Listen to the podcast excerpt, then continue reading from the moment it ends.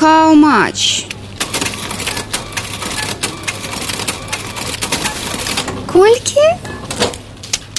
Добрый дзень з вами рубрика хау-матч у якой мы подводзім галоўныя эканамічныя вынікі тыдня сёння мы павучымся ў беларускіх чыноўнікаў як трэба правільна не аддаваць свае даўгі а таксама пагаворым про няпрошаны падарунак за які яшчэ доўга давядзецца плаціць У адным з мінулых выпускаў я распавядаў, чаму беларускі мінфін не плаціць па сваіх пазыках. Гэта гісторыя пра пакупнікоў беларускіх аблігацый, якія з лета 22 года чакаюць, пакуль беларуская дзяржава з імі расплаціцца. Плаціць павінны былі валютай, але пра санкцыі вырашылі, што лепш заплаціць беларускімі рублямі. Таму што калі плаціць валютай, дык праз санкцыі грошы маглі быць спыненыя на рахунках заходніх банкаў. То бок патрапіць у дрэнныя рукі. Але і ў добрыя рукі і беларускія рублі аддаваць таксама не сталі. Бо здаровы сэнс для беларускага мінфіна важнейшы, чым законы. І грошы грошай шкада по самой мінімальнай ацэнцы наши улады павінны заплатіць 500 мільёнаў долараў але не плацілі і тлумачылі гэта тым што ў іх механізма аплаты няма. Жаданне плаціць ёсць а механізма няма. Крэдыторы не дачакаўшыся пакуль мінфін знойдзе магчымасць пабудаваць сабе правільны механізм падавалі ў суд. А яшчэ напісалі ліст у расійскі ўрад з просьбай адключыць беларускаму мінфіну новае фінансаванне пакуль ён не заплаціць па сваіх старых даўгах. Пасля гэтага беларускі міністр фінансаў юрый селіверстаў паабяцаў што ўсё ж такі заплаціць. Але на гэтым тыдні выявілася што ўсё зноў не так просто вось што патлумачыў юрый селіверстаў. Мы думаем что оно до конца года должно заработать но здесь есть скажем отдельные особенности того что необходимо нам выстроить этот механизм с двух сторон. То бок механізма зноў няма. Жаданне зноў ёсць а магчымасць не факт што з'явіцца. До конца года абавязкова заплатим толькі гэта недакладна. Прыкладна ўсё тое ж самае што беларускі мінфін кажа ўжо больш за год. І ёсць у мяне падазрэнне што можа доўга яшчэ казаць. Бо навошта спяшацца? Сцэнарый думаю будзе такім. Самым настырным ці тым за кім стаяць больш паважаныя людзі ўсё ж заплацяць не ўсё і не адразу. Патрошку пакрысе. До конца года вельмі нават можа быць што каму-небудзь сапраўды пачнуць плаціць. А астатнім і далей будуць расказваць пра механізмы. Бо механізму ж няма а без механізму заплаціць нельга. А 500 мільёнаў долараў лішнімі не бываюць асабліва цяпер калі навокал такія няпростыя фінансавыя абставіны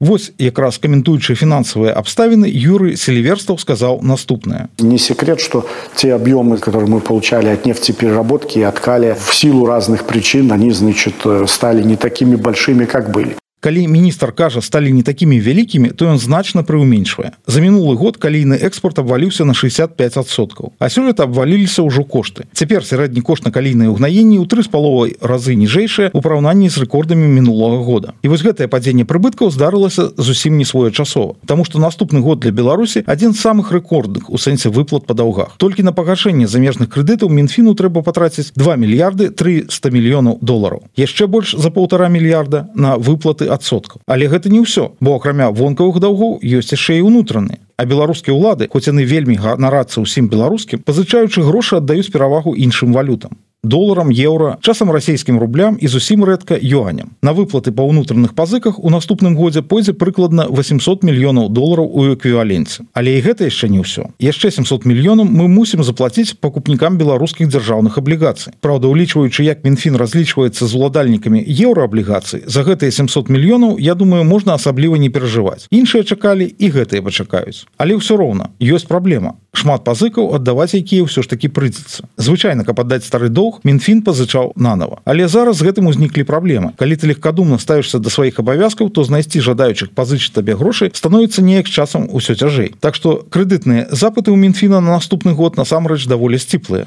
у параўнанні з запатрабаваннямі. Урад спадзяецца заняць 600 мільёнаў долараў за мяжой і 700 мільёнаў унутры краіны. Вось што сказаў юры сельверсту внутренний рынок по нашим оценкам до 700 миллионов эквиваленте в иностранной валюте в долларах. Почему так? Откуда эти цифры возьмутся ну мы же и раньше заимствовали. То есть у нас объемы погашения на следующий год внутреннему рынку даже превышают этот объем, который мы хотим привлечь.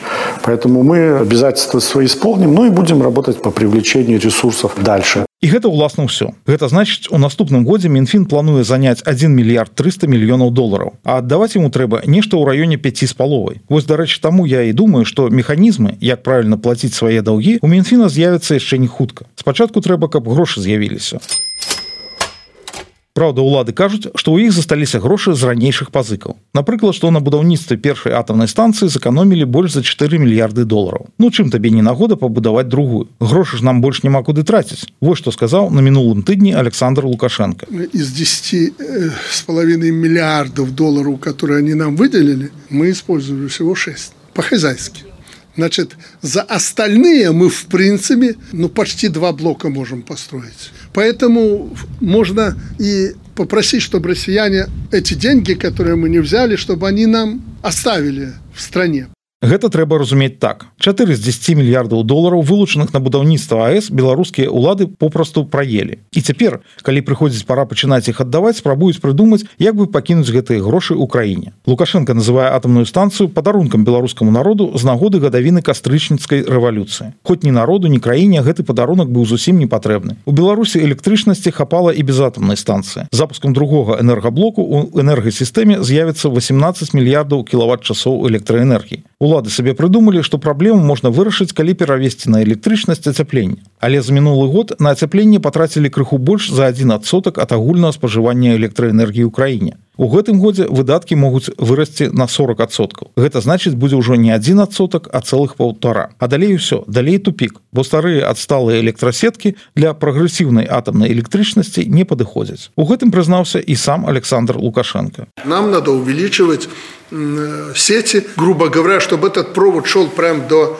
дома человека другая ідэя электрамабілі але нават калі ўсё пойдзе добра по самым аптымістычным сцэнары выдаткі электрычнасці на электрамабілі до 30 -го году складуць палову адсотка ад агульнага спажывання электраэнергіі ў краіне полтора адсотка ацяплення палова адсотка электрамабілі разам двасотка нават калі уявіць сабе зусім фантастычны сцэнар што ўвесь грамадскі транспорт беларусі пяройдзе на электрычнасць дык і ў гэтым выпадку на ўвесь гэты грамадскі транспорт спатрэбіцца менш за два з паловы адсотка беларускай электрычнасці. А іншых ідэй няма не кажучы ўжо про тое что перавод ацяплення на электрычнасць электракатлы электрамабілі зарадныя станцыі новыя электрасеткі ўсё ж гэта каштуе грошай. То бок мало того что мы будзем яшчэ шмат гадоў плаціць по крэдыце які беларускія улады узялі каб пабудаваць сабе атомную станцыю. Дык мы яшчэ будзем плаціць за тое каб ім было куды падзець з гэтай станцыі лішнюю электрычнасць. Такі вось атрымаўся цудоўны падарунак аб якім ніхто нікога не прасіў.